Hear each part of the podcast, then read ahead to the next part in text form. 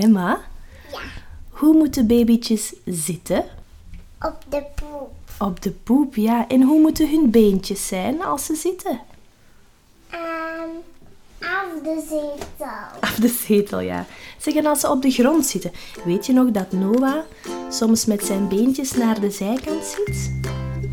Wat zegt mama dan altijd tegen Noah? Beentjes naar voor. Beentjes naar voren, want dat is best belangrijk, hè? Hey, ik ben Janne, logopediste en mama van twee jonge kindjes, Emma en Noah. Ik ben hier om jou te vertellen dat de ontwikkeling van kinderen soms heel vanzelfsprekend lijkt, maar zeker niet zo is. Elke maandag ben ik er weer met een nieuwe aflevering rond woordenschat, voorlezen, taalontwikkeling en nog veel meer. Welkom bij de podcast Vanzelfsprekend. Zelfsprekend. Welkom bij een nieuwe aflevering van de podcast Vanzelfsprekend. Ik zit hier opnieuw met Ellen en Ilona van Educate and Inspire, de kinderkinesisten die je ook al hoorde in aflevering 23. Nu, dan ging het vooral over Emma en haar billenschuif. ehm, avontuur.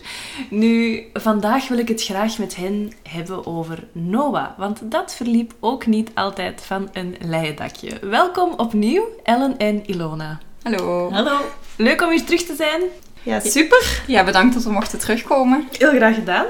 Ehm, ik wil het met jullie vandaag eens hebben over Noah. Want Noah is toch wel een heel ander kind dan Emma. Hij heeft een heel ander karakter. Noah is ook, was ook een heel andere baby ehm, dan Emma. Dus Emma dat was een, een poepschuivertje die nooit op haar buik lag, of die heel weinig op haar buik lag. Noah was een echte buikslaper.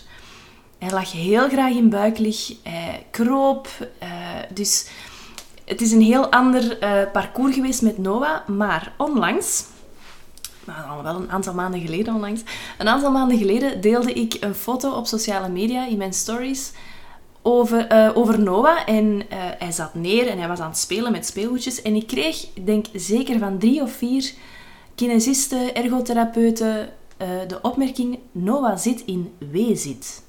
Je zou hem beter met zijn beentjes naar voren laten zitten.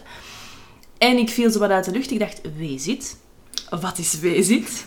Dus mijn eerste vraag aan jullie is, wat is W-zit? Kunnen jullie dat uitleggen aan de luisteraars van de podcast? Ja, dat, dat is eigenlijk iets wat ja, alle ouders vragen van, ja, wat, is, wat is dat? Hoe ziet dat eruit? En dat is heel moeilijk om uit te leggen. Eh, want daarom laten we meestal een fotootje laten zien. Ja. Want ik wil het nu wel spontaan voordoen. Dat is eigenlijk dat, dat je kindje met de benen naar buiten zit. Dus rechterbeen naar rechts, linkerbeen naar links. En dan eigenlijk tussen de twee benen gaat zitten. Zo ziet wezen er eigenlijk uit. Maar de benen zijn wel geplooid, hè? dus ze zitten Ja. eigenlijk op hun knietjes, maar ze schuiven dan zo wat met hun poep Dus- tussen hun benen, waardoor dat de beentjes naar de zijkant plooien. Ja. En dus een W vormen, Ja. eigenlijk. Hè? Als je dan van bovenaf zou kijken, dat, de, dat de beentjes een W Klopt. Vandaar de naam, ja. vormen, Klopt. de naam. Oké. Ja. Dat is eh, niet goed, dan. Nee, dat is niet zo'n goede zithouding.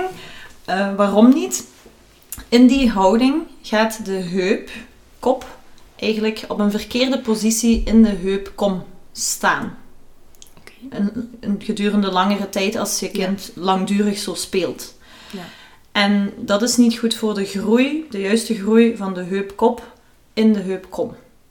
Dus er komt heel veel druk op die heup dan. Ehm, ja, wat, wat niet zo gunstig is voor later bij het stappen of voor zelfs op latere leeftijd. ehm, ja, dat je heupklachten kan krijgen, op al vrij jonge leeftijd bijvoorbeeld. Dus dat is een van de belangrijkste redenen waarom het niet zo goed is. Ook zien we dat veel kinderen heel weinig grondstabiliteit hebben. Dus eigenlijk in die houding gaan zitten. ehm, dat dat gewoon een, een brede steunbasis is. De benen zijn heel breed. Dus ze moeten veel minder met hun romp gaan werken om recht te kunnen Meer zitten. hangen eigenlijk. Hè? Ja, ja, meer Meer hangen. Ja, hangen. En vertrouwen dat de benen hun recht houden in plaats van actief recht te gaan zitten. eh, met ja, voldoende buik- en rugspieren en de samenwerking tussen die buik- en rugspieren. Oké. Is dat iets dat vaak voorkomt, W-zit? We zien dat wel vaak, vooral dan in de praktijk bij ons, eh, waar, waar kinderen dan komen voor, eh voor behandelingen. Ehm, dus kinderen gaan die houding ja, wel opzoeken. Het ene kind al meer dan het andere. En, en dan moeten we gewoon ook kijken, wat is de onderliggende oorzaak, waarom een kind dat gaat doen. Ja. En, dat is één ding. En het andere ding waar we ook naar moeten kijken is, gaat een kind alleen maar die houding aannemen? Of gaat hij wel ook nog andere houdingen laten zien? Ja. Dus daar zijn nog, ja, dat zijn nog twee dingetjes wat een beetje uitgezocht zou kunnen worden. Waarom een kind in die houding gaat zitten. En een oorzaak daar kan zijn dat ze misschien wat soepel zijn in hun, iets te soepel in hun gewrichten. We noemen dat dan hypermobiel. En dan zijn ze erg soepel in de heupen, in, vaak ook in de knieën en de voeten. En dan is dat een hele aangename houding om in te zitten. Ja. Ik, ik weet niet zelf niet zo goed waarom Noah zo ging zitten. Ik weet wel dat hij altijd zo ging zitten. Altijd, Dus het, ja. het was niet dat hij ook met zijn beentjes naar voren ging zitten. Het was niet dat hij veel op zijn buik speelde ook niet. Wel als, als baby, hè, maar dan vanaf dat hij kon gaan rechtzitten, zat hij eigenlijk altijd in die positie. Dus het kan misschien zijn dat hij wat hypermobiel was dan. Ja, dat zou kunnen. Maar dat is één mogelijkheid. Dat is, ja, Nu, op zich is het ook geen probleem als je babytje ja, in, in die wezen terechtkomt. Vaak ook vanuit de kruiphouding bijvoorbeeld naar achter duwen. En dan komen gewoon, eh, als je niet de hu- juiste houdingsverandering kent, dan kom je eigenlijk gewoon met de billen tussen de voeten terecht. Eh, dus dat, dat mag zeker in de eerste fase van ontwikkeling. Maar er moet die variatie zijn tussen andere houding. En ze moeten er vlot in en uit kunnen. Dus Ja. als ze aan het spelen zijn, moeten ze heel vlot in en uit die houding van die weezit eh, ja, komen en, en, en er terug uit geraken. En goed die variatie in de afwisseling laten zien. Nu, wat ik nu denk, is Noah is, is een, een heel snel kind. Dus is een, is een, hele, een hele drukke jongen ook. Is, is heel snel, wil heel veel eh, wisselen van speelgoed en zo. Dus ik, ik denk nu, misschien, maar verbeter me als ik fout ben, dat hij misschien gewoon geen tijd had om zijn benen naar voren te brengen. Dat hij gewoon in kruip ging, terug ging zitten, terug in kruip, terug ging zitten, terug iets anders wou pakken, terug ging zitten. En dat hij gewoon heel de tijd ehm, zijn poep omhoog en, weer omlaag deed, waardoor dat hij gewoon niet lang genoeg bleef zitten om zijn benen naar voren te bewegen. Klopt, Is dat, ja. is dat een Ja. redenering Ja. dat kan kloppen? Vaak, vaak start dat ook uit van, ja, vanuit gewoonte. Ja. Maar eens dat een gewoonte is, blijft dat een, een Ja. vast patroon Ja. en blijven ze in die houding zitten. En dat is eigenlijk het probleem.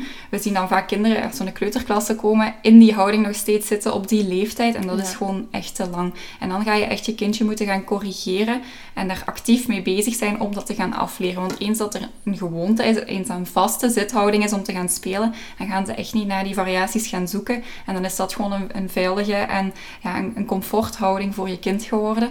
En dan wordt het heel moeilijk om die dingen af te gaan leren, eens ze daarin vastzitten in dat patroon. Want wat heb ik toen gedaan? Eh, toen ik dan die, die opmerking kreeg op sociale media, ik dacht toen van, ah ja, perfect, dan gaan we daar iets aan doen. Hè, want ik wist het ook niet. Dus de, degenen die, die mij hadden gestuurd toen, die zeiden ook van, ja, ik wil geen kritiek geven en sorry dat ik het... Maar ik vond het fantastisch dat ze het tegen mij zeiden, want ik wist het ook gewoon oprecht niet. Dus wat ben ik toen gaan doen? Ik heb telkens tegen Noah gezegd, beentjes naar voren, beentjes naar voren, beentjes naar voren. En dan eh, zelf ook wel even mee geholpen, want hij wist in, in het begin niet benen naar voren. Huh? Hij, hij hoorde het in Keulen donderen, dus ik dacht, ik ga hem eventjes helpen. En dan elke keer wel er wel op gehamerd en gezegd, beentjes naar voren, beentjes naar voren, beentjes naar voren. En uiteindelijk deed hij dat wel vanzelf dan. Ehm, is dat een, was, was dat een goede manier, of, of zijn er andere manieren? Nee, er zijn ja, nooit, niet echt andere manieren. We hebben, we hebben een, eh, een reel gemaakt op onze Mhm. Instagram-pagina. En daar ga je kunnen zien welke houdingen je kan eh, aanbieden. Dus Ja, dat, zijn er, dat kunnen Dat is- er veel ja, verschillende bijvoorbeeld met de benen, zijn. de benen een lang zit naar Ja. voren. Eh, dat kan klerenmakers zitten. Het mag Ah, bijvoorbeeld op de voeten zitten, mag ook. Dat is geen probleem. Eh, de zijzit is ook nog een hele mooie variant. Dat is eigenlijk, dat lijkt een beetje op de W-zit. Veel ouders denken daar dat dat hetzelfde is als W-zit. Maar dat is eigenlijk dat er één beentje naar achter is gebogen. Maar het andere beentje is eigenlijk naar voren. Ehm, en dat mag Ja. eigenlijk wel. Dat is een goede houding om in Ah, en ja, uit te geraken. Dus dat is een houding die wel zou kunnen. Ook bijvoorbeeld een, een, ehm, een halve, ja, één been gebogen, ander been gestrekt. Dus eigenlijk alle variaties ehm, die niet met de twee benen naar achter zijn, die mogen en die kunnen. Ja, Dus maar zijn- ik denk dat het vooral belangrijk is, wat jij aangeeft, Janne. Ik heb het hem moeten laten voelen. Ja, ja, Mhm. want in het begin... Ja, Want hij kent naar geen- voren en hij naar mij. Hij kent geen andere houding. Ja. En dan is het vooral belangrijk als ouder van het inderdaad te laten voelen. Van zo kan je ook spelen. En dan die houding opbouwen. En met hun samenspelen, dat ze die houding even ja, eh, voelen. Ja. dat is wel een heel belangrijke fase. Het hangt natuurlijk ook een beetje af van de leeftijd van je kindje, hoe cognitief je dit kan Ja. sturen door het alleen te zeggen. En de reden van Ja. de wezen. En de reden van de wezen. Want Ja. Noah heeft gekropen. Ja, klopt. En bij kruipende kinderen hij heeft lang gekropen. Ja, ja. Ja, Ja. dus Het hij- duurde heel... Noah was zo een kind waarbij dat alles heel lang duurde voordat hij iets anders deed. Dus, dus alle fases bleven zo precies maar duren. En dan plots ineens kon hij drie andere dingen. Ja, maar hij heeft eigenlijk lang gekropen. Ja, dus hij had gekropen. eigenlijk veel romstabiliteit opgebouwd. Buik, rugspieren, bilspieren. Ja, Dus dat gaat bij hem vermoedelijk niet de reden zijn geweest waarom hij in die eh, passieve houding van weeszit is gaan zitten. Ja. Ehm, dus daar moet inderdaad ook wel naar gekeken worden. Want als het Ja. kinderen zijn die wel een minder goede romstabiliteit hebben, ehm, die gaan het heel ja. moeilijk vinden om in kleermakerszit, in langzit, in zijzit te zitten. Ja. Dus dan is het wel een beetje kijken van, oké, ja, welke houding redden ze? En daarom is dat opbouwen oké. in andere houding hun laten wennen aan andere houdingen die ze niet kennen wel heel belangrijk. Dus hoe je dat hebt aangepakt, is, eh, is prima. Oh, dat is kei fijn. Ja, want je, je weet het niet hè, als ouder. Nee. En, en je denkt dan van, oei, is dat verkeerd? Oh nee.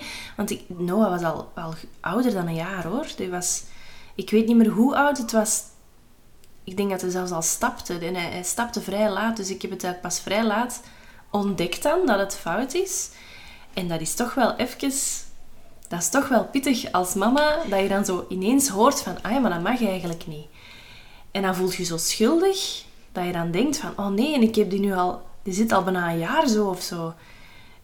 Ja, en, en dan denk je van, oei, en ik had het veel vroeger moeten weten, maar je weet het niet. Hè? Dus ik, ik denk dat het heel belangrijk is dat ouders daar rond geïnformeerd worden. En dat doen jullie heel goed met Educate and Inspire, want ik sla heel veel van jullie posts op. Dus standaard als er iets, bij komt, als er iets voorbij komt van jullie op Instagram, dat ik zo, hup, like en opslaan, opslaan.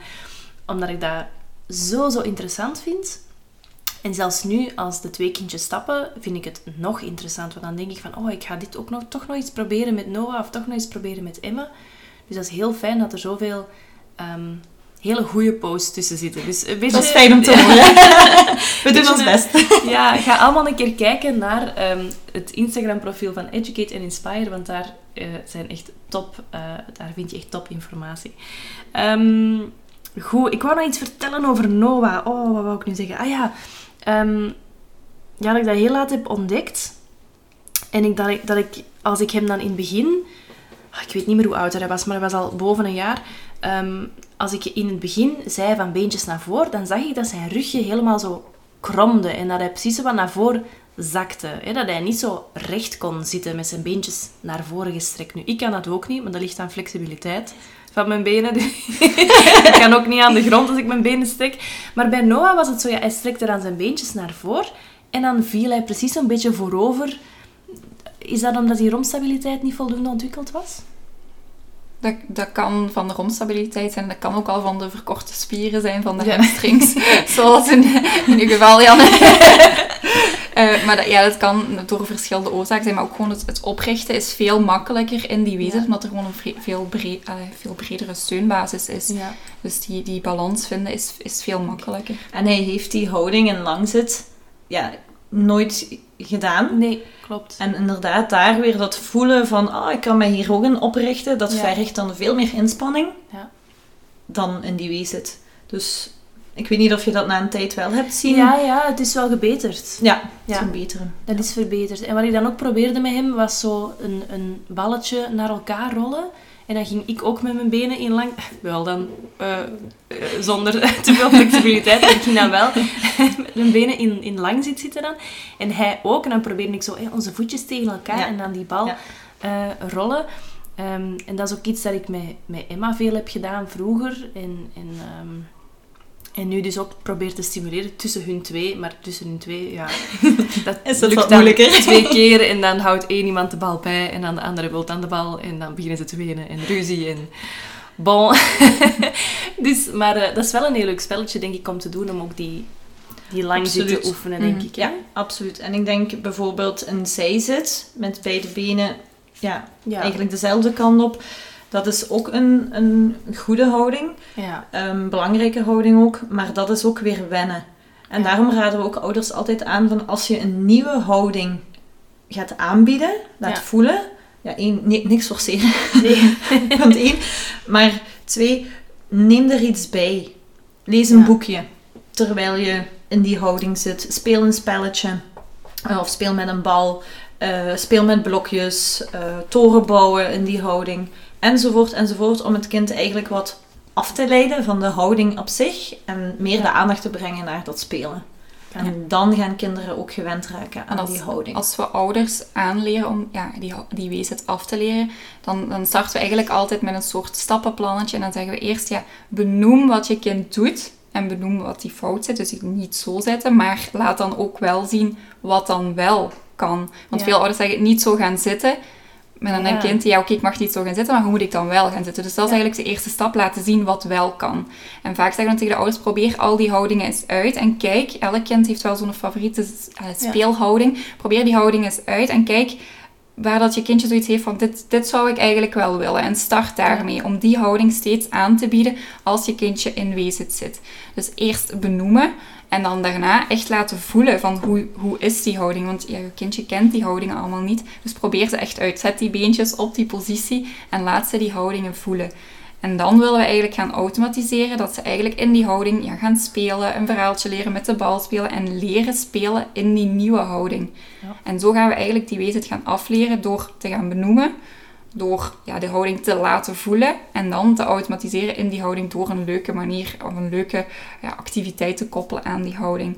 En dan goed je kindje ja, erop attent maken. De meeste kinderen die hebben dat wel na een paar keer al door. Als je nog maar iets wilt gaan zeggen van... Oh ja, ik zit op de foute manier. En dan gaan ze heel mooi die beentjes naar, vo- naar voren gaan doen. Maar dat is een gewoonte die afgeleerd moet worden. Dus dat vraagt wel ja, even wat eh, consistentie in je, in eh, benoemen en, en oefenen natuurlijk. Ja, en dat benoemen, dat is heel, heel belangrijk. Dat is wat, wat we in de praktijk ook wel zien bij ouders, dat ze dat, dat belang daarvan, het stukje van die taal, Ja, wat ja. jouw stuk is, en dan de koppeling met, in dit geval een houding, een motorische houding, dat dat super belangrijk is. En zeker het Elke keer opnieuw. stukje. En niet alleen Ja. niet zo zitten, maar echt, maar echt het wel... Ja, stukje, ja.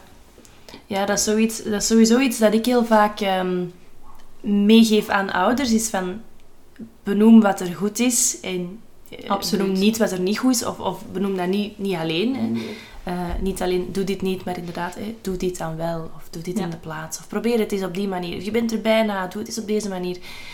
Vooral ook om, om niet te veel op het negatieve te, te drammen dan, Mhm. Ehm, maar om het ook heel leuk en positief Ja, te houden. Hè. Absoluut. Want je zult het toch ja, eventjes gaan moeten zeggen. Ja. Ehm, wat ik ook heel vaak doe, is een, een soort codewoordje gaan verzinnen. Bijvoorbeeld, ja, eenhoorn is nu een woordje wat heel vaak gekozen wordt door meisjes. Als mama of papa dan eenhoorn zegt, dat zij weten, ah ja, ik zit op een manier dat ik niet mag zitten. En ik moet eigenlijk zelf gaan nadenken, hoe zit ik? Ah ja, ik moet op deze manier gaan zitten. Om zo, ja, je benen te groeien, eh, de benen naar voren. Om dat stukje, wat na een Ja. tijdje frustratie gaat geven, eh, zeker voor ouders, eh, om dat te vervangen door eigenlijk een, een codewoordje, noem ik het. Ik laat de kinderen Ja. altijd kiezen. Want dat is heel leuk om thuis te doen. En dan kan dat ook gewoon in een omgeving, als ze ergens, ja, een speeltuin of ergens bij familie zijn, dan moet het niet, zet je benen naar voren, maar dan kan het gewoon eenhoorn zijn. En jouw kindje weet dan waar het over gaat, jij weet waar het over gaat en de rest eh, zal misschien heel nieuwsgierig vragen wat dat is of wat dat wil zeggen. Dat is wel een heel leuke manier om dat ja, zeker bij het oudere kind. Ja, hè, bij een ouder kind die- aan te leren. Ja, want bij Noah, uiteindelijk was het al genoeg om gewoon te zeggen, Noah. En dan zag ik hem al direct veranderen van houding. Ja, en dan, hè, dan ga je naar die richting die automatisering. Hè? Ja. En, en Klopt. het benoemen gaat dan inderdaad een beetje Ja. ja, terug op de achtergrond komen. Maar die fase van dat benoemen, ja, die duurt toch wel ja, een tijd. Ja. Hè? Als je daar consequent in bent, dan kan dat vrij snel gaan conditioneren Ja. dat ze doorhebben van, ah ja, Klopt. Nu, Noah was ook... eh, die heeft heel lang gekropen. Wat dat ook betekent dat hij laat is beginnen stappen. Dus ik weet nog dat Noah, ook met zijn taal en ook met zijn motoriek, hij hangt zo echt tegen de mijlpalen aan. Wat dat frustrerend is als je zelf ehm logopediste bent en, en dus weet van oké, op die leeftijd zou ze toch al dat stilletjes aan toch wel echt moeten kunnen. En dan was hij er zo net niet en dan twee dagen later weer wel. Dus hij, hij doet er altijd heel lang over om dan iets, plots iets nieuws te kunnen. En dan doet hij wel ineens het, het nieuwe ding supergoed en, en, en, eh, en ineens een aantal dingen tegelijk. Zo weet ik dat hij bijvoorbeeld rond negen maanden, denk ik. Eh, dus hij, hij sloop heel veel. Dus op de buik, ehm, naar, naar achteren, soms ook al wel een beetje naar voren, zo wat paracommando-stijl al een beetje aan het sluipen was. En dan ineens op negen maanden kon hij en kruipen, en van kruip naar zit gaan, en trok hij zich recht. Dus dat waren drie dingen dat hij plots op één week kon. Is dat iets wat veel voorkomt? Of is dat toch iets dat wat typeert aan onze Noah? Ja, het is... eh, er gaan zeker nog kinderen zijn die dat, die dat zo eh, doen. Die eerst echt heel... Eigenlijk heeft hij, doet hij dat heel mooi, hè, want hij traint een heel de tijd Ja. de voorwaarden heel goed om dan de volgende stap te kunnen uitvoeren. ja. En in de vorige podcast hebben we het daar ook wat over gehad. Van die voorwaarden zijn heel belangrijk. En eigenlijk heeft hij dat gedaan. Hè? Hij heeft alle voorwaarden ontwikkeld. Heeft daar zijn tijd voor genomen.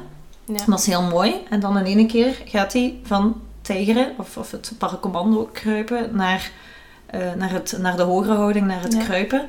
Omdat ook al die voorwaarden geoefend zijn. Ja.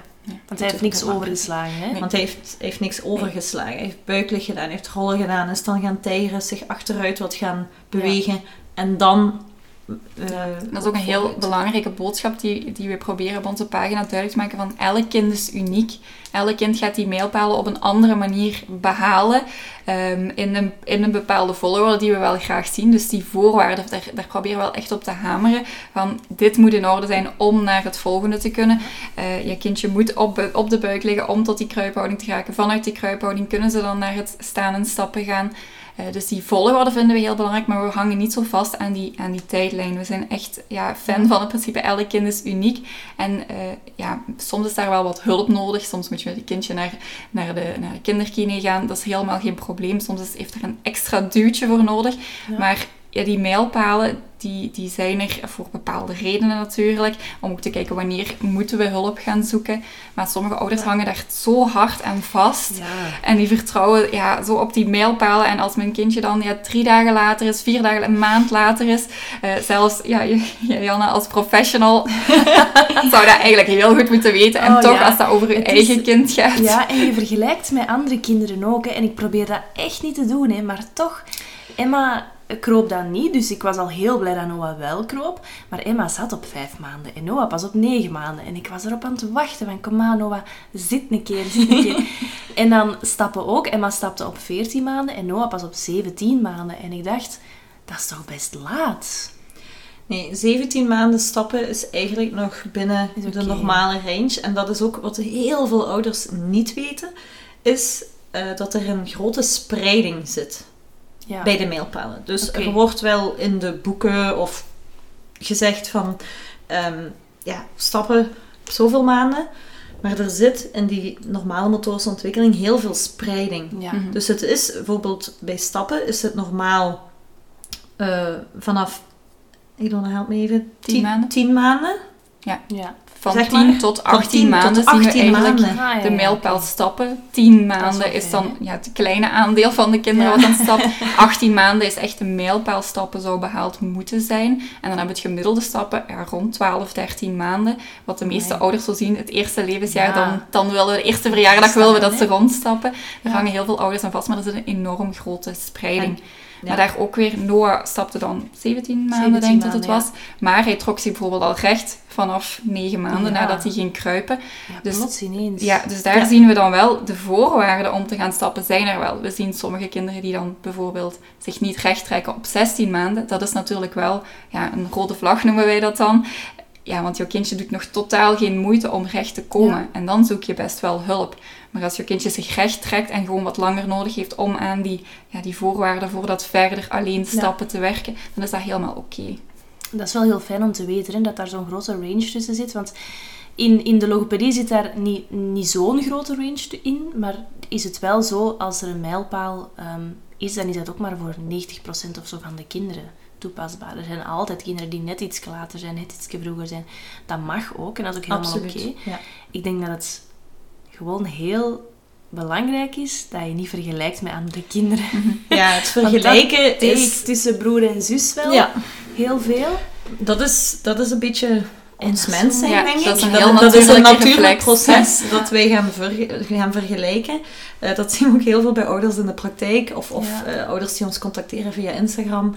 Van, eh, van ja, maar ik krijg opmerkingen. Ja, Want dat- oh, dat- ja, verschrikkelijk, dat wordt- In de crash zie De ik man- andere Of- kindjes.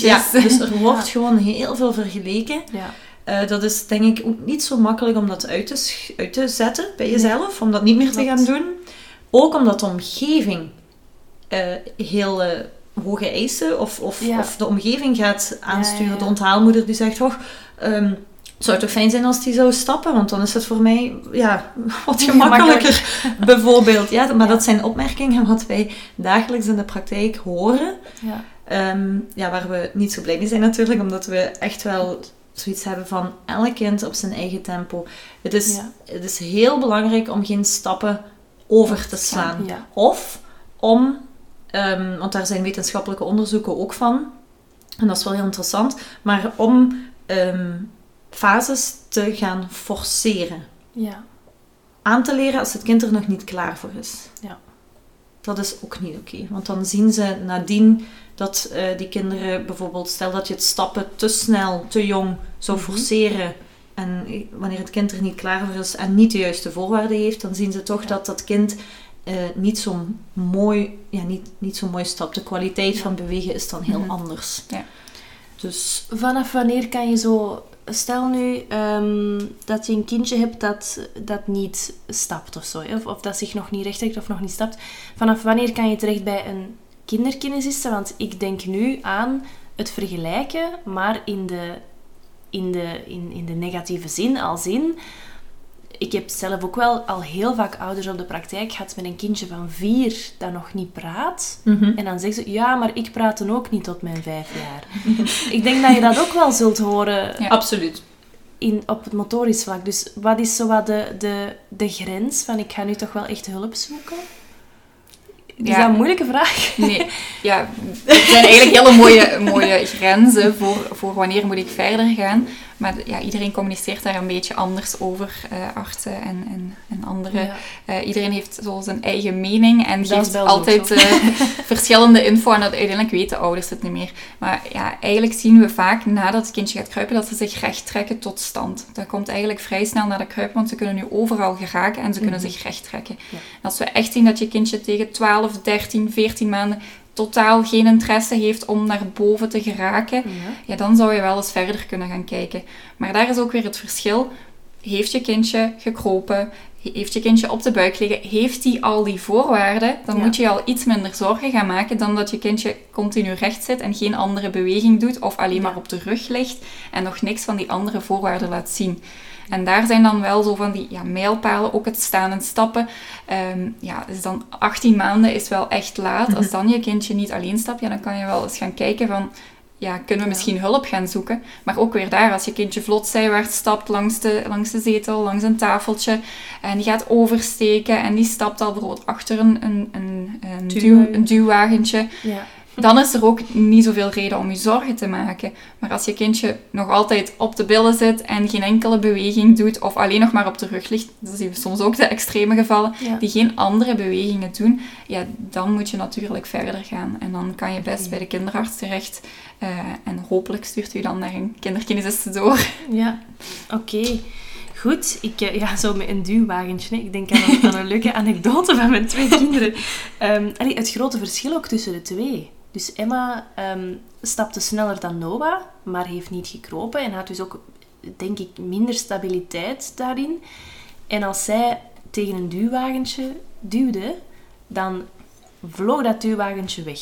Dus zij was niet snel genoeg. Of het duwwagentje was gewoon veel te snel. Of, of zij duwde misschien te hard. Of, ze, of ze, ze, ze ging er tegen leunen of zo. Waardoor dat, dat dus wegrolde en zij plat op haar, op haar gezicht viel. Ehm, en bij Noah ging het duwwagentje niet snel genoeg. Hij was gewoon echt super snel en hij botste er eigenlijk heel tijd tegen. Van kom aan, ga door, ga door, ga door. Dus hij, hij had dat duwwagentje bijna niet meer Niet meer nodig. nodig. Nee. En dat is heel mooi dat je dat nu dat verschil Ja. aangeeft. Ja. Want dat is ook wat wij proberen duidelijk te maken aan ouders. Van voor, te, voor vooruit te gaan stappen, Ja, heb je eigenlijk geen duwwagentje nodig Nee. en ook geen handen. oké. Mits dat de voorwaarden Mits dat de voorwaarden, allemaal in orde gelijk bij zijn. Noah, bij waar- Noah waren die Ja, het voorwaarden... er, hè? Ja, hij had dat helemaal niet nodig ook Nee, niet. Dat was nee. gewoon eigenlijk Eigenlijk stond dat in zijn weg, Ja, dat was waarschijnlijk. ballast, stond in zijn weg. Dus hij was, Ja. hij was veel te snel daarvoor. En, Ja. en hij, hij wou eigenlijk vooruit, maar hij had dan dat duwhandje voor hem. En hij had zoiets van, maar allee, ik kan niet snel genoeg vooruit. Terwijl bij Emma, het schoot vooruit en zij lag op haar gezicht Ja, erachter. en zij kon niet volgen. En Ja. ze kon niet volgen, omdat ze dan die voorwaarden niet had. Klopt. Oh, ik, vond Oh. ik vond- ik ben blij dat ik de anekdote heb gedeeld, want ik heb er toch weer wat van opgestoken dan. Oké. Ja. Ja, leuk. En zo zie je ook gewoon, ja, elk kind is anders. Elk kind Ja. is uniek en ontwikkelt ook op zijn of haar eigen tempo. Ik vind dat een hele, hele mooie afsluiter. Is er nog iets dat jullie willen delen? Ehm, jullie hadden nog, eh, dat was ook in, in podcastaflevering 23 eh, vermeld, maar jullie hebben een kortingscode. Ja. Toch? We hebben een cadeautje voor iedereen die ja, dit hele leuke verhaal weer geluisterd heeft tot het einde. Ehm, jullie krijgen van ons 10% korting op onze cursussen Blij en Buiklig, Kruipen, Staan en Stappen. En daarvoor kunnen jullie de kortingscode De Taaltoren, allemaal in grote letters, gebruiken. En deze kunnen jullie ehm, één keer gebruiken op jullie hele bestelling. Dus als je alle cursussen wilt kopen, koop ze zeker in één keer. eh, want het is maar één keer te gebruiken. Ja, oké. Fantastisch, dankjewel daarvoor. Dat is een hele, hele, hele leuke eh, cadeau. Ehm, ja, dankjewel om nog eens te gast te zijn. En eh, ja, wie weet tot een volgende keer. Bedankt voor het luisteren. Dag.